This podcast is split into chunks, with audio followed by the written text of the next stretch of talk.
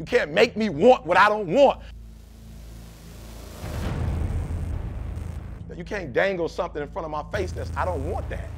And many of you are taking anything because you don't know what you want. And so if I can do one thing for you when you leave this room, I don't want nothing from you but for you to leave this room and know what you want. What do you want in your marriage? What do you want with your son and your daughter? What do you want in your health? What do you want financially? Like how much money do you want to make a year? What do you want to drive? How do you want to live? Stop just waking up like an accident. What do you want?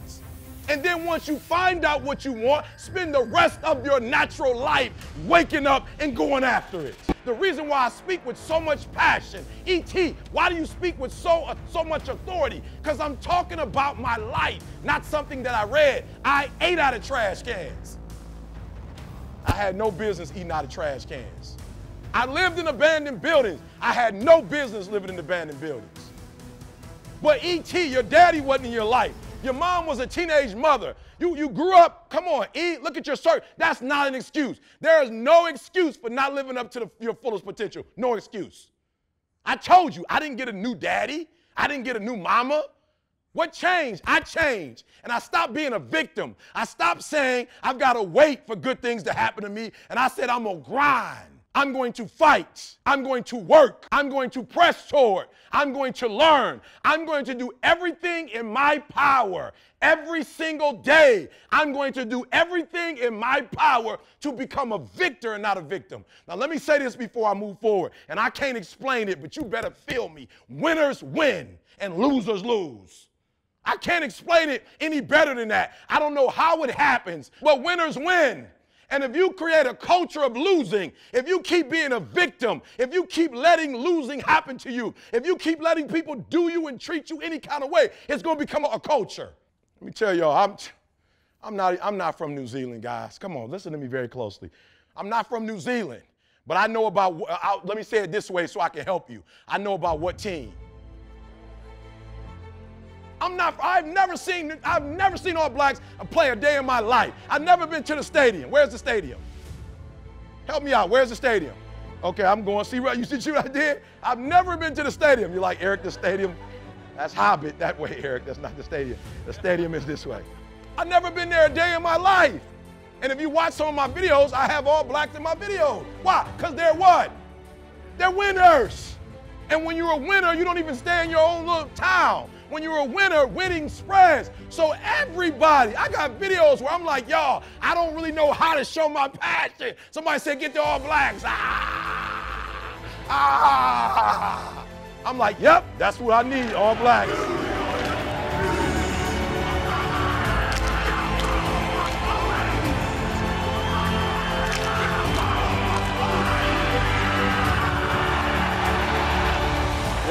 Yep, I need the All Blacks. I need to, why? Because they say what I'm saying. They just said it in rugby. I don't, I don't, not, I'm like, woo, that's a violent sport. Their passion is all over there. Why? Because winners win.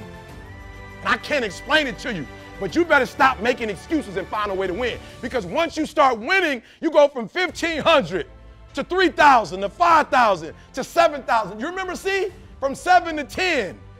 Nothing changed. We still in the basement. We don't have a building. We still use the garage for all of our products. We don't have business cards. We don't have a five year plan.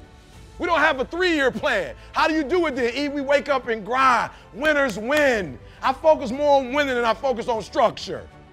I focus on winning. And when you become a winner, they start seeing you with winners. You get from being a loser, low self esteem, doubt, and fear. And if you can find your way on this side, guys, it's sweeter on this side. You want, you know what's so funny? We want people to make guarantees to us, but we're not willing to make guarantees to ourselves. Now, for I'm gonna say it again. Like you, somebody gave you a guarantee, $30, 30-day guarantee. In 30 days, if, they, if you don't make what they told you was gonna make, in 30 days you got an attitude, you want your money back. But you've never demanded your money back from yourself.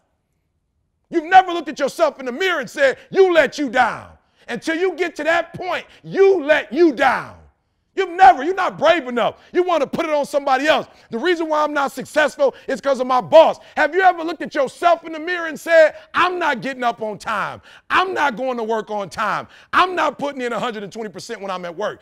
I let me down. And when you get to the point where you can say you let you down, I don't care. Listen to me, no disrespect. I don't care about Glenn. That's not why I do what I do. And I love Glenn. I don't come here and do what I do so Glenn can affirm me, so he can give me a pat on my back. I care more about me than I care about what Glenn thinks about me.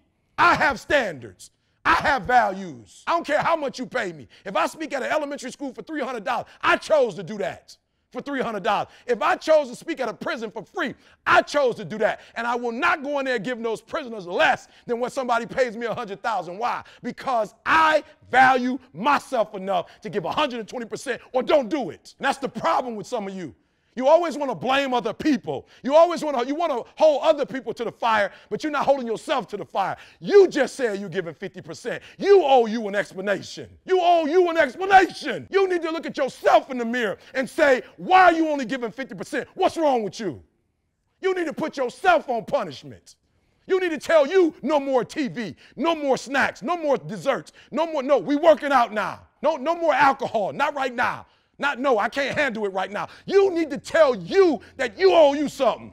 Stop going back to you. You keep going to the mall with the receipt. This is what y'all said it was. Glenn, you didn't do what you said you was gonna do. Well, you didn't do what you were supposed to do. So how am I gonna do what I'm supposed to do for you? You walk out of this room, you owe yourself. I didn't get here making excuses. So what? My father wasn't in my life. The truth of the matter is, he ain't never come into my life. So what? I'm gonna wait for the rest of my life for my man to come? He ain't coming. I live in America. I'm an African American male. They don't treat us the same. It's something called racism. I ain't gonna cry about it. It's probably gonna be racism to the day I die, but I'm not gonna cry about it. I'm still gonna be a millionaire. I'm still gonna be one of the top motivational speakers in the world.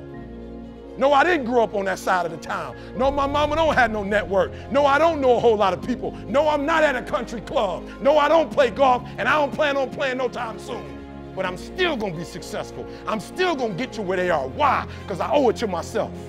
And can't nobody stop me but me. And you need to get rid of them excuses and you need to stop pointing fingers at people. And you need to start pointing fingers at yourself. What did you not do?